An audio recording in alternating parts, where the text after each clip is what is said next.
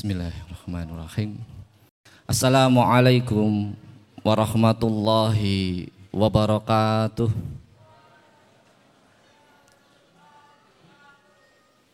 Innal hamdalillah nahmaduhu wa nasta'inuhu wa nastaghfiruh wa na'udzu billahi min sururi anfusina wa min sayyiati a'malina.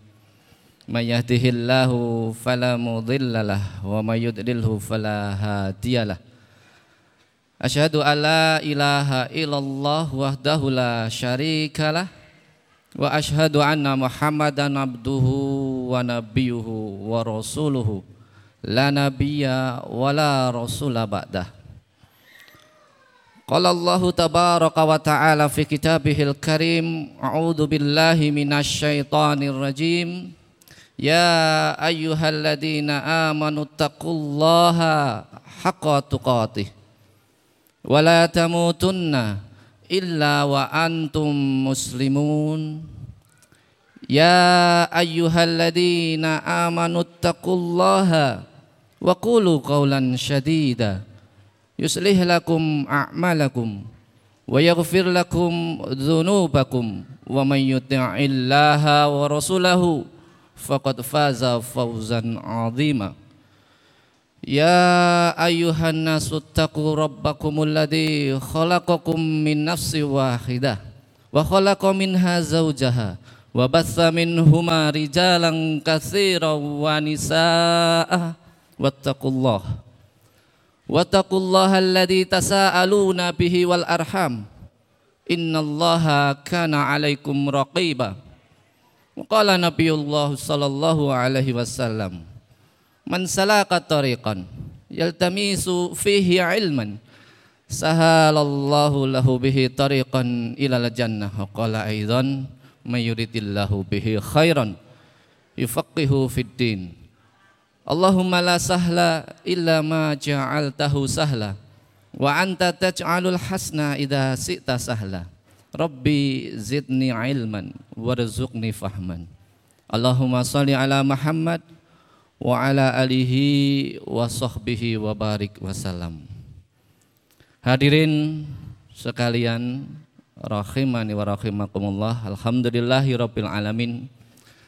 Berbahagia sekali kembali sore hari ini kita bisa bermuhajahah bersama-sama di tempat ini yang mudah-mudahan di antara tempat yang Allah tetapkan menjadi munzalan al mubarakan menjadi di antara tempat yang Allah berikan keberkahan. Dan semoga kita semua yang senantiasa diringankan langkah kakinya diringankan dengan segenap rasa ringan di dalam hatinya untuk bisa hadir di majelis Jumat sore ini semoga di antara yang Allah nikmatkan pula keberkahan-keberkahan di dalam setiap tahapan-tahapan kehidupan kita. Diberikan keberkahan atas segala urusan-urusan kita. Ikhwanu fidin wa akhwatu fillah rahimani wa rahimakumullah. Alhamdulillah.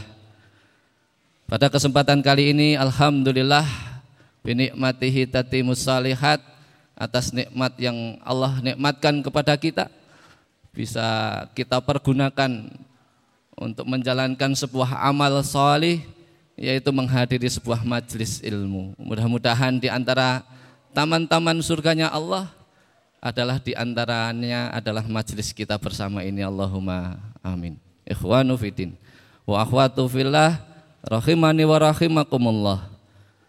Pada kesempatan kali ini kita akan sama-sama belajar bagaimana hidup dan kehidupan kita itu sebagaimana yang Allah kehendaki, sebagaimana Allah mempunyai tujuan menciptakan kita yaitu untuk mengibadahi Allah taala untuk mendapatkan kemenangan yang besar.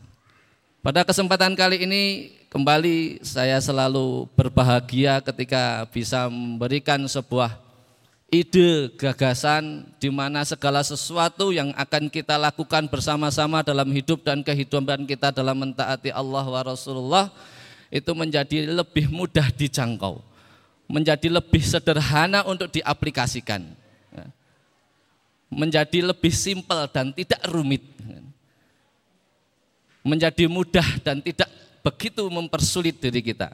Yang sering mempersulit diri kita itu adalah diri kita sendiri, pikiran-pikiran kita. Kaidah agama kita adalah memudahkan. Kita diminta segala sesuatu itu dibuat mudah. Yasirlu wala tu'asir. Buatlah semuanya itu jadi mudah. Jangan kau persulit.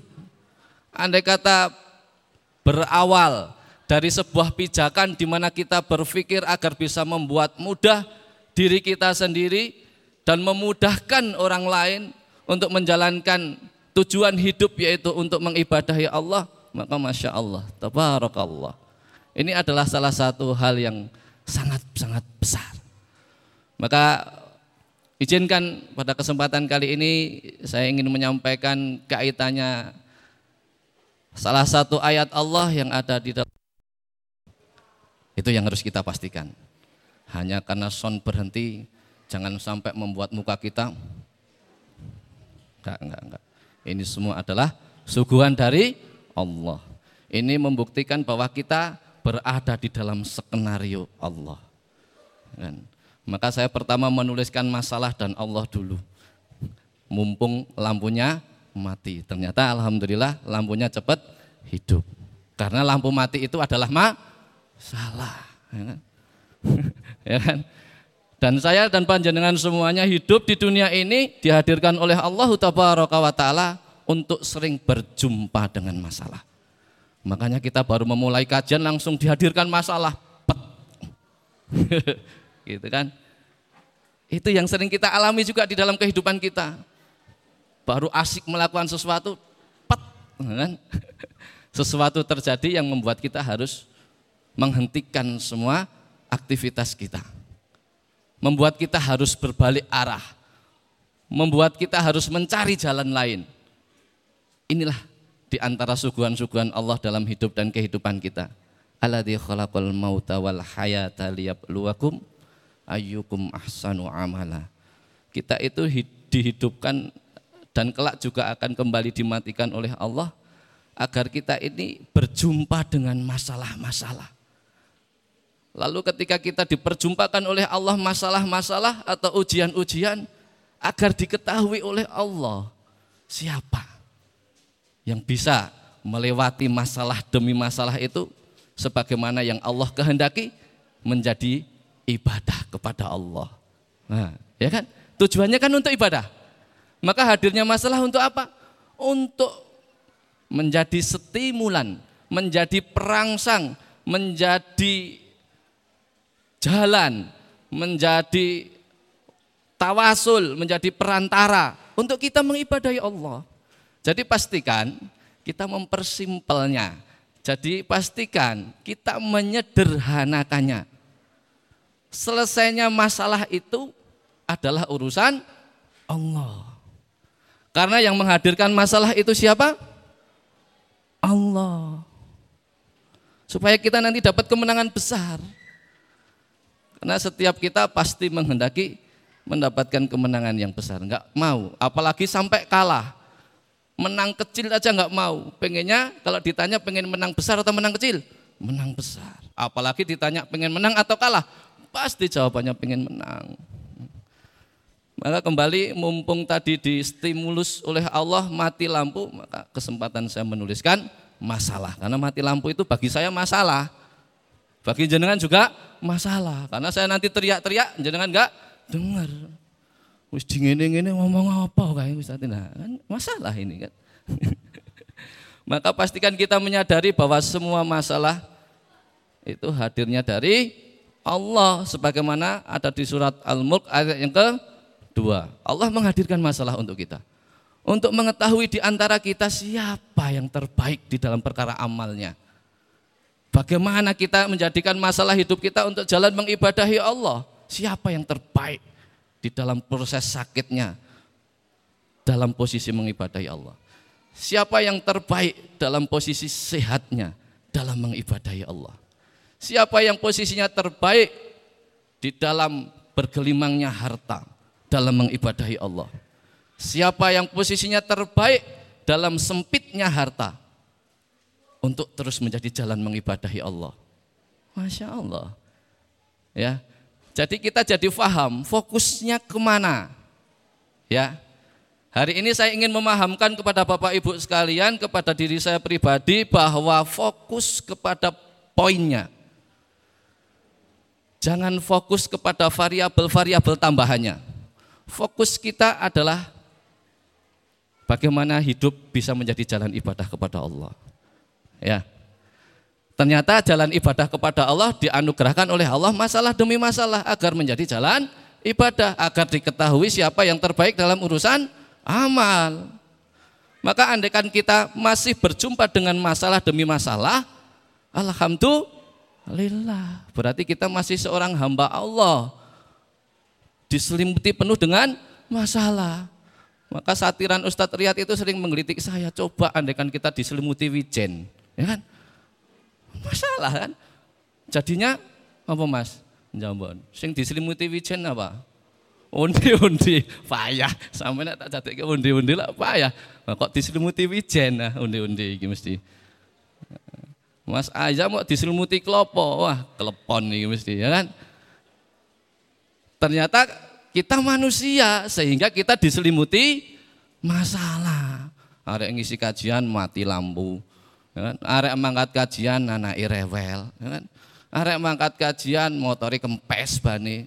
Dan masih banyak lagi masalah demi masalah. Apakah ketika kempes bani mau datang kajian itu bisa bilang astagfirullahaladzim atau asmi. Nah ini jadi masalahnya.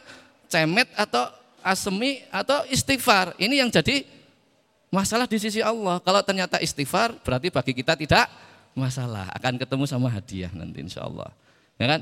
Maka kembali lagi saya ingin mengajak fokus kita kepada Allah. Bukan fokus kepada masalah. Karena yang menghadirkan Allah. Kita ini tidak disetting untuk bisa menyelesaikan masalah. Tapi kita itu hamba Allah yang disifati tidak punya daya dan upaya, la haula wala, agar apa? Agar mengenal Allah yang bisa menyelesaikan masalah. Jadi hadirnya masalah demi masalah itu tidak suruh diselesaikan. Tapi suruh untuk mengenal siapa pemilik penguasa masalah itu supaya kita kembalikan kepada Allah hingga terciptalah ilham dari Allah terciptalah uh, solusi dari Allah, terciptalah pertolongan dari Allah. Maka kenapa Al-Quran mengisahkan problematika dan permasalahan-permasalahan yang besar yang tidak bisa diselesaikan dengan akal?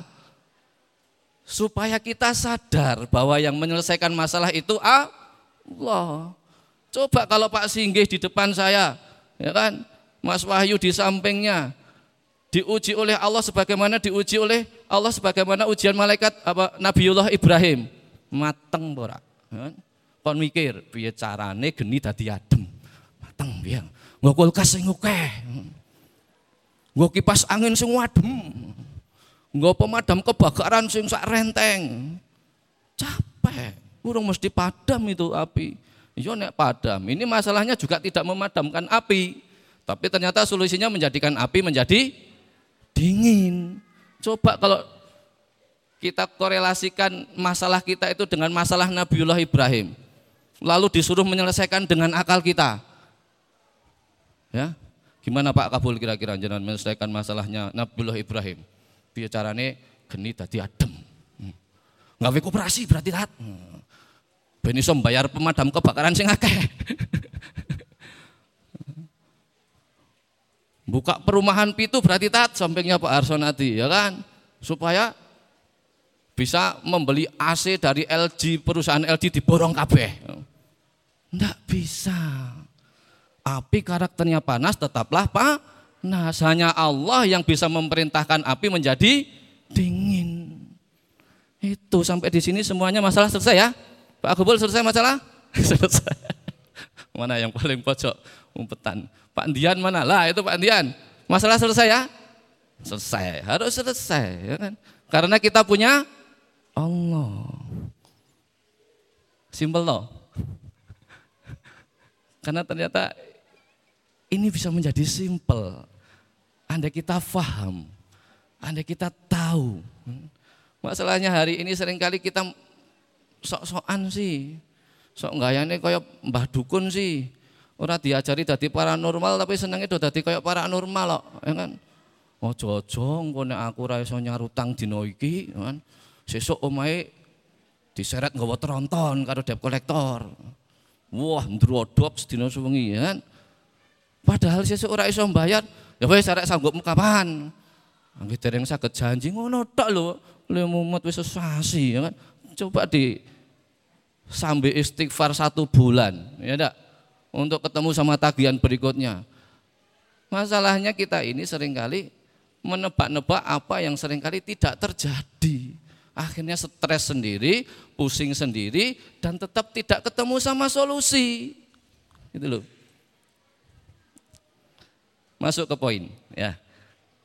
Sampai di sini paham gak? Masalah kita ini sederhana gak? Masalah kita ini hanya kita kembalikan kepada Allah. Nah, piye carane lah wis saya takon ya kan padahal sudah dikasih tahu berkali-kali. sudah dikasih tahu berkali-kali masih tanya. Anda kata sih sebentar masuk ke sini lagi misalnya ini yang dikatakan sebagai masalah. Anggap aja ini banyak duit. Di sini sedikit duit. Anda katanya. Maka kalau masalah itu dikatakan sebagai satu ini anugerah, yang ini namanya anugerah, yang ini namanya musibah. Banyaknya duit disebut anugerah, sedikitnya duit disebut musibah. Padahal kata Allah, kalau kita menafsiri banyak kaidah-kaidah kehidupan, maka inti dari anugerah itu adalah segala sesuatu yang bernama masalah ini, apakah duitnya banyak, apakah duitnya sedikit, ya kan? ini bisa menjadikan seseorang itu semakin dekat kepada Allah. Wah, aku kok duit oke. Okay. Ternyata menjadi jalan kita untuk menjadi dekat kepada Allah. Mas, ono wakaf apa saiki?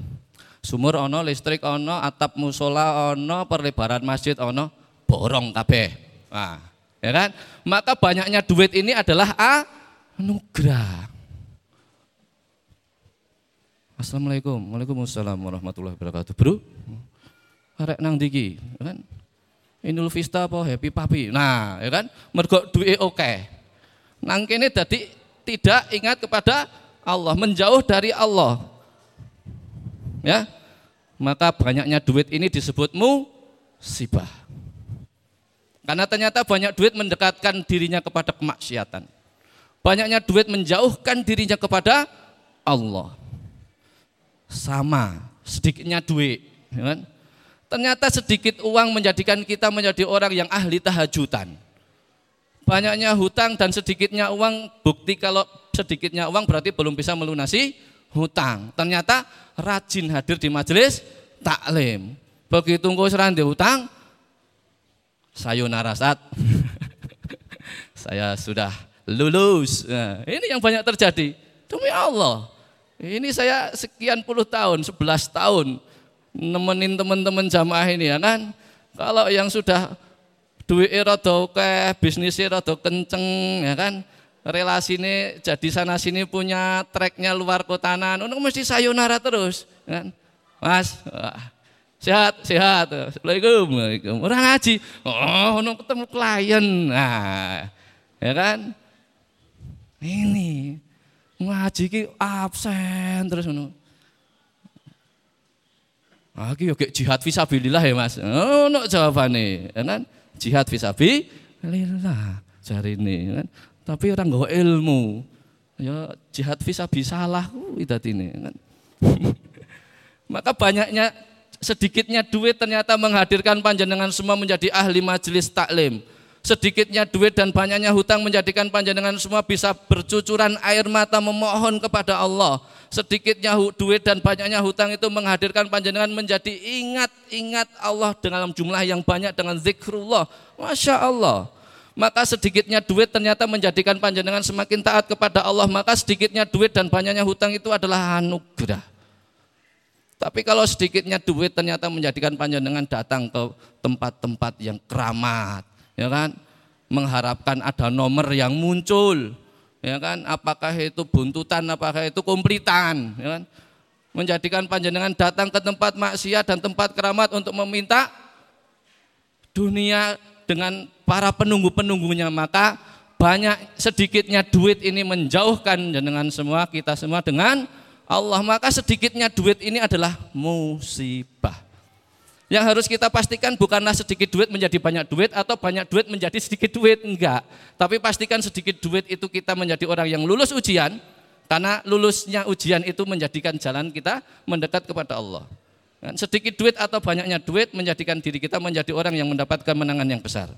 Maka saya persingkat lagi waktunya masuk ke acara, masuk ke tema bahwa kemenangan yang besar dikatakan oleh Allah Tabaraka wa taala di dalam surat Al-Ahzab ayat yang ke-70 dan 71. Langsung saja saya uh, buka dari awal kalimatnya mengatakan auzubillahi minasyaitonirrajim ya ayyuhalladzina amanu. Ini sapaan hangat dari Allah kepada kita. Kalau Allah mengatakan ya ayyuhalladzina amanu, pasti belakangnya ada sebuah perintah yang penting. Pasti di belakangnya ada larangan yang keras. Pasti di belakangnya ada informasi yang tidak boleh terlewatkan. Maka di sini ya ayyuhalladzina amanu salah satu informasi yang penting itu adalah Fakot faza fauzan aziman. Di akhir ayat. Sungguh orang-orang yang seperti itu akan mendapatkan kemenangan yang agung. Kemenangan yang besar. Kalau pemateri lainnya breakdown dari satu, dua, tiga menuju kepada poin, menuju kepada kesimpulan, kita nggak sempat kalau harus seperti itu. Maka langsung ketujuh menuju kepada kesimpulan karena mukodimahnya sudah menjadi salah satu penjabaran dari apa yang nanti menjadi amal soleh amal soleh yang menjadi variabel atau jalan menuju kemenangan yang besar atau fauzan aziman. Di dalam tafsir Ibnu Kasir, Ibnu Kasir fauzan aziman itu atau kemenangan yang besar itu adalah di mana seseorang dinikmati oleh Allah dijauhkan dari nerakanya dan didekatkan atau dimasukkan kepada jannahnya. Inilah yang disebut kemenangan yang besar. Lalu kemenangan yang besar itu bukti. Kemenangan yang besar itu jalan untuk kita melakukannya di dalam kehidupan dunia itu harus bagaimana? Wa may yutaillaha wa rasulahu. Simple. Sekedar ati Allah wa atiun Rasul. Kalau hidup kita ini bisa menjadi jalan kita taat kepada Allah, wa Rasulullah maka kita sudah mendapatkan kemenangan yang besar. Hidup kita di atas kekayaan, hidup kita di bawah garis kemiskinan, ternyata menjadi jalan taat kita kepada Allah, maka si miskin atau si kaya telah mendapatkan fauzan aziman. Kalau seseorang itu berada di dalam posisi sakit, lalu yang lain berada di dalam posisi sehat, Ternyata si sehat maupun si sakit menjadikan sakitnya jalan taat kepada Allah. Sehatnya menjadi jalan taat kepada Allah wa Rasulullah, maka orang tersebut telah mendapatkan fauzan aziman. Ternyata dengan sakit akhirnya dia tidak bisa beraktivitas. Dengan tidak beraktivitas banyak kemaksiatan yang bisa terpangkas. Tidak bisa aktivitas, Kemaksiatan terpangkas. Lalu ternyata dalam baringannya istighfarnya menjadi berkali-kali lipat dibandingkan ketika sehat. Meminta ampunan kepada Allah atas setiap salah-salahnya yang dia ingat ketika masa sehatnya. Maka sakitnya ini adalah sakit yang pada hakikatnya adalah orang yang baru dimenangkan oleh Allah di dalam pentas kehidupan dunia ini. Seseorang yang ternyata dinikmatkan oleh Allah sehat, maka ternyata sehatnya itu menjadikan dia rutin masuk ke dalam majelis-majelis taklim. Sehatnya menjadikan dia bermanfaat untuk tetangga-tetangganya. sehatnya menjadikan jalan dia dengan tenaganya menolong sebanyak orang yang bisa ditolong. Dengan sehatnya ternyata dia bisa mengajarkan ayat demi ayat di dalam Al-Quranul Karim. Maka sehatnya menjadi jalan kemenangannya. Dia telah mendapatkan fauzan aziman. Ikhwanu fitin wa akhwatu fillah rahimani wa rahimakumullah. Sampai di sini menyadarkan kita bahwa saya dan panjenengan ini sebenarnya simpel. Dan Allah itu mensifati dunia ini adalah senda gurau. Yang tidak boleh dibuat senda gurau itu adalah mentaati Allah dan Rasulnya. Kalau yang lain itu adalah senda gurau. Kalau poin utamanya itu sudah didapat, yang lain itu senda gurau. Kalau poin utamanya itu adalah ati Allah wa Rasuluh, mentaati Allah dan Rasulnya, maka yang lain itu menjadi remeh semuanya, menjadi guyonan baik menjadi bonus-bonus saja. Hari ini ingin saya sampaikan kepada Bapak Ibu sekalian, andai kata saya analogikan. Yang namanya poin utama itu ketaatan kepada Allah dan Rasulnya itu adalah sepeda motor baru. Dan transaksi kita di dalam kehidupan itu adalah transaksi dengan Allah wa ta'ala. Penjual kali ini adalah Allahu wa ta'ala. Yang menjual sesuatu kepada kita yang kita transaksi kepadanya itu adalah Allah taala. Coba kita analogikan bahwa Allah penjual. Lalu menjual sebuah sepeda motor, ya kan? Sepeda motor itulah ketaatan. Kita beli ketaatan itu kepada Allah. Ya kan? Maka selesai masalah kita. Ya kan? Andaikan nanti kita mengharapkan ada bonus jaket, ada bonus helm, ada bonus servis, ada bonus part sekian bulan. Kira-kira kalau Allah yang jualan bakalan dikasih enggak? Helmnya kira-kira mau dikasih enggak? Kalau kita beli motornya. Jangankan Allah yang jualan. Dealer-dealer yang ternama di Temanggung atau di kota-kota lain pun, ya kan, kita beli cash sebuah motor dari sebuah dealer atau mobil dari sebuah dealer. Kira-kira helm, jaket, buku servis dan sekaligus fasilitas servis gratisnya atau part-part ada kata harus ada part yang digaransikan. E, Dikasihkan enggak?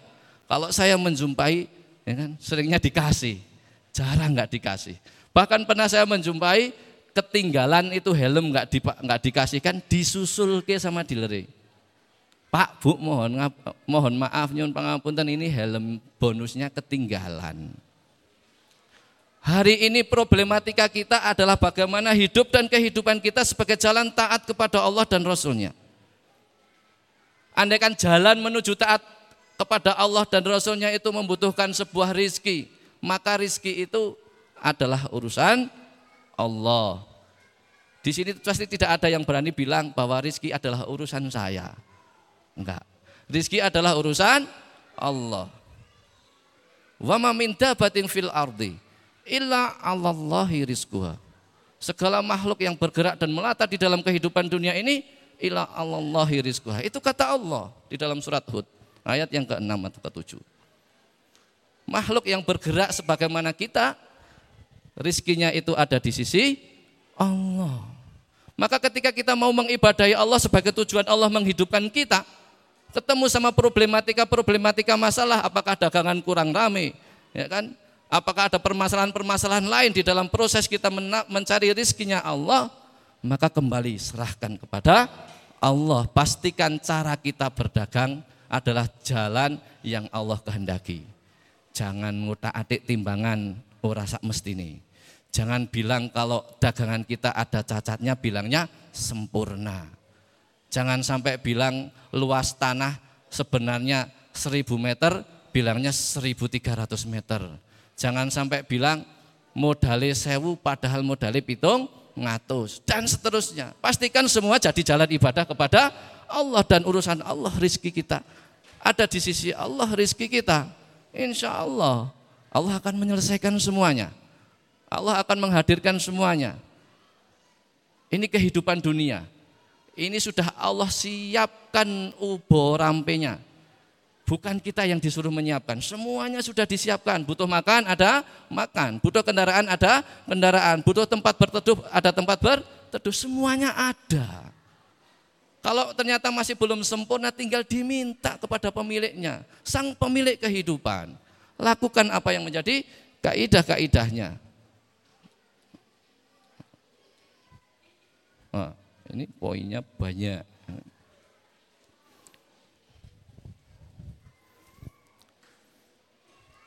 Dalam surat Al-Ahzab ayat yang ke-70 itu minimal ada empat poin yang saya nukil dari intisari kitab tafsirnya Ibnu Katsir, Al-Azhar dan Al-Munir, maka ada empat poin besar. Yang pertama yang pertama adalah takwa, yang kedua berkata jujur atau benar yaitu kaulan syadidan.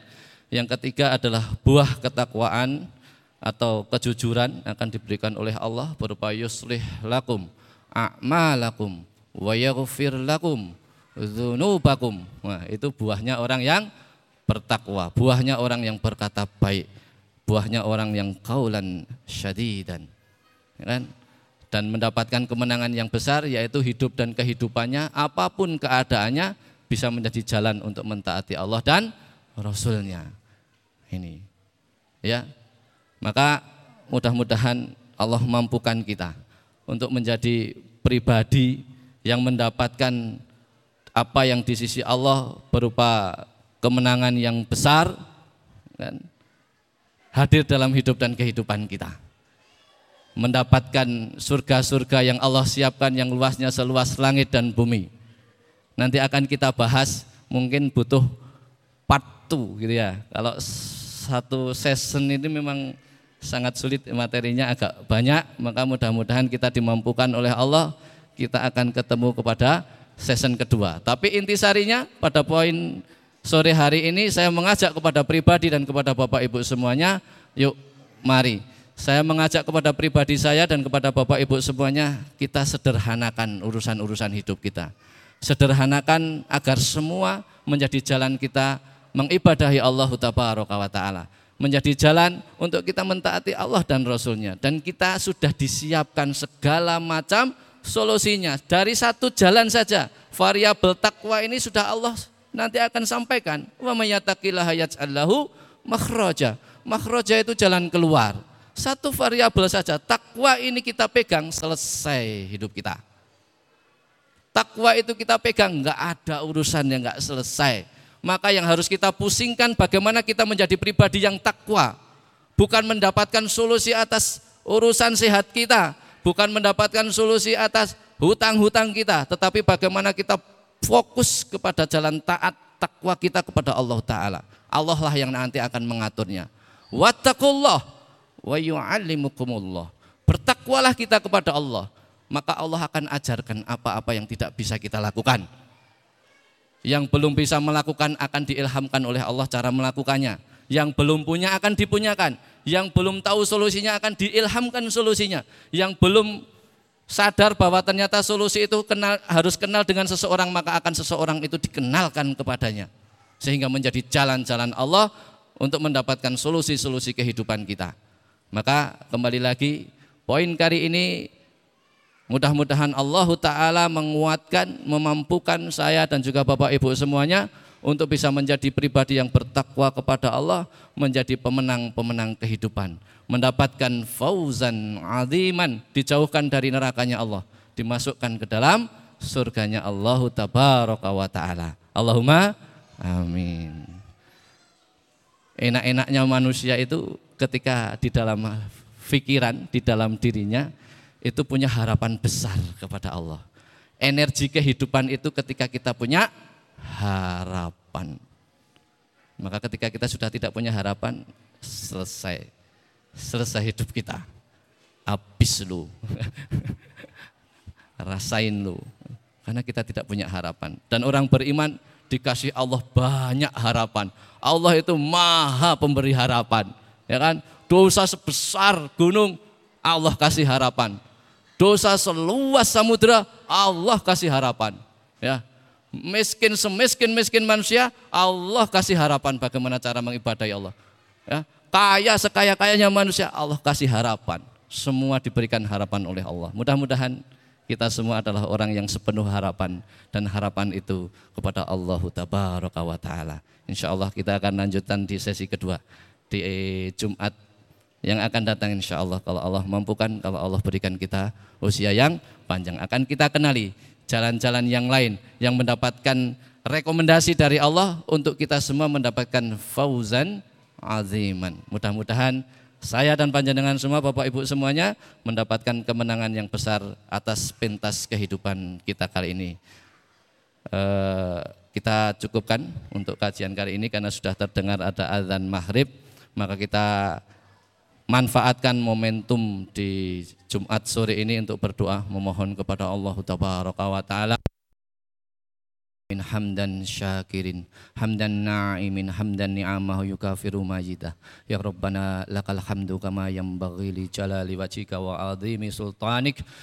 Raditu billahi rabba wa bil islami dina wa bi muhammadin nabiyya wa rasula Allahumma salli ala Muhammad wa ala alihi wa sahbihi wa barik wa sallam ya rahman ya rahim ya hayyu ya qayyum ya dzal jalali wal ikram Ya Rahman Ya Rahim Ya Hayyu Ya Qayyum Ya Dal Jalali Wal Ikram Ya Rahman Ya Rahim Ya Hayyu Ya Qayyum Ya Dal Jalali Wal Ikram Ya Fattah Ya Razak Ya Muhawil Al Ahwal Hawil halana ila ahsanil hal. Ya Muqallibal Qulub Sabit qulubana ala dinika wa ala ta'atik. Allahumma dhibhamana Allahumma dzib hammana Allahumma dzib hamana Allahumma ya Allah. Angkatlah permasalahan-permasalahan kami ya Allah. Angkatlah problematika kehidupan kami ya Allah. Yang sedang kau anugerahkan sakit maka mohon sehatkan ya Allah Sehat yang mengantarkan pribadinya menuju keimanan dan ketakwaan kepadamu ya Rabbal Alamin kepada saudara-saudara kami yang sedang engkau uji dengan sempitnya rezeki. Maka lapangkanlah rezekinya ya Allah. Selapang-lapangnya yang meningkatkan keimanan dan ketakwaan, ketaatan kami semua kepadamu ya Rabbal Alamin. Allahumma ya Allah, jadikan kami yang sedang engkau sulitkan kehidupan kami, pendidikan anak-anak kami, problematika harmonisnya keluarga kami maka mudahkanlah kami mendapatkan solusinya ya Allah. Solusi yang menghadirkan kami semakin bertambah taatnya kepadamu ya Allah. Hingga kami-kami ini mendapatkan kemenangan yang engkau janjikan ya Rabbal Alamin. Allahumma aksir mali wa waladi. Allahumma ya Allah perbanyaklah harta-harta kami ya Allah perbanyaklah anak-anak kami ya Allah wa barik li fi ma'ataitani berkahilah semuanya ya Allah. Wa atil hayati dan panjangkan usia kami ya Allah. Ala ta'atik dalam ketaatan kepadamu ya rabbal alamin. Allahumma ahsin amali ya Allah. Perbaikilah amal-amal kami ya Allah. Wakfirli dan ampunilah setiap khilaf dan salah kami kepadamu ya Rabbal Alamin Rabbi habli minas salihin. Rabbi habli minas salihin. Rabbi habli minas salihin Ya Allah. Jadikanlah keturunan-keturunan kami Menjadi orang-orang yang salih Ya Allah. Menjadi orang-orang yang takwa kepadamu Ya Allah. Menjadi orang-orang yang taat kepadamu Ya Allah. Menjadi para ahli ilmu Ya Allah. Menjadi para ahli-ahli Al-Quran Ya Allah. Menjadi para ahli-ahli ibadah kepadamu Ya Allah. Menjadi anak-anak yang senantiasa menjadi kurata ayun bagi kami Ya Allah memuliakan kami ya Rabb dalam kehidupan dunia kami ya Allah. Dan kelak juga di dalam kehidupan akhirat kami ya Allah. Muliakan kami lewat wasilah putra putri kami ya Allah yang engkau jadikan sebagai hamba-hambamu yang taat ya Allah. Sebagai hamba-hambamu yang takwa kepadamu ya Rabbal Alamin.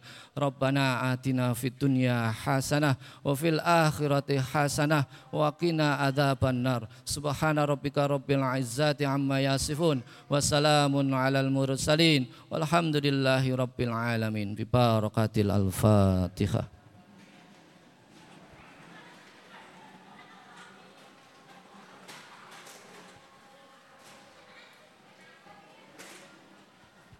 Aku lu qawli hadha wa astaghfirullahaladzim Afu minkum.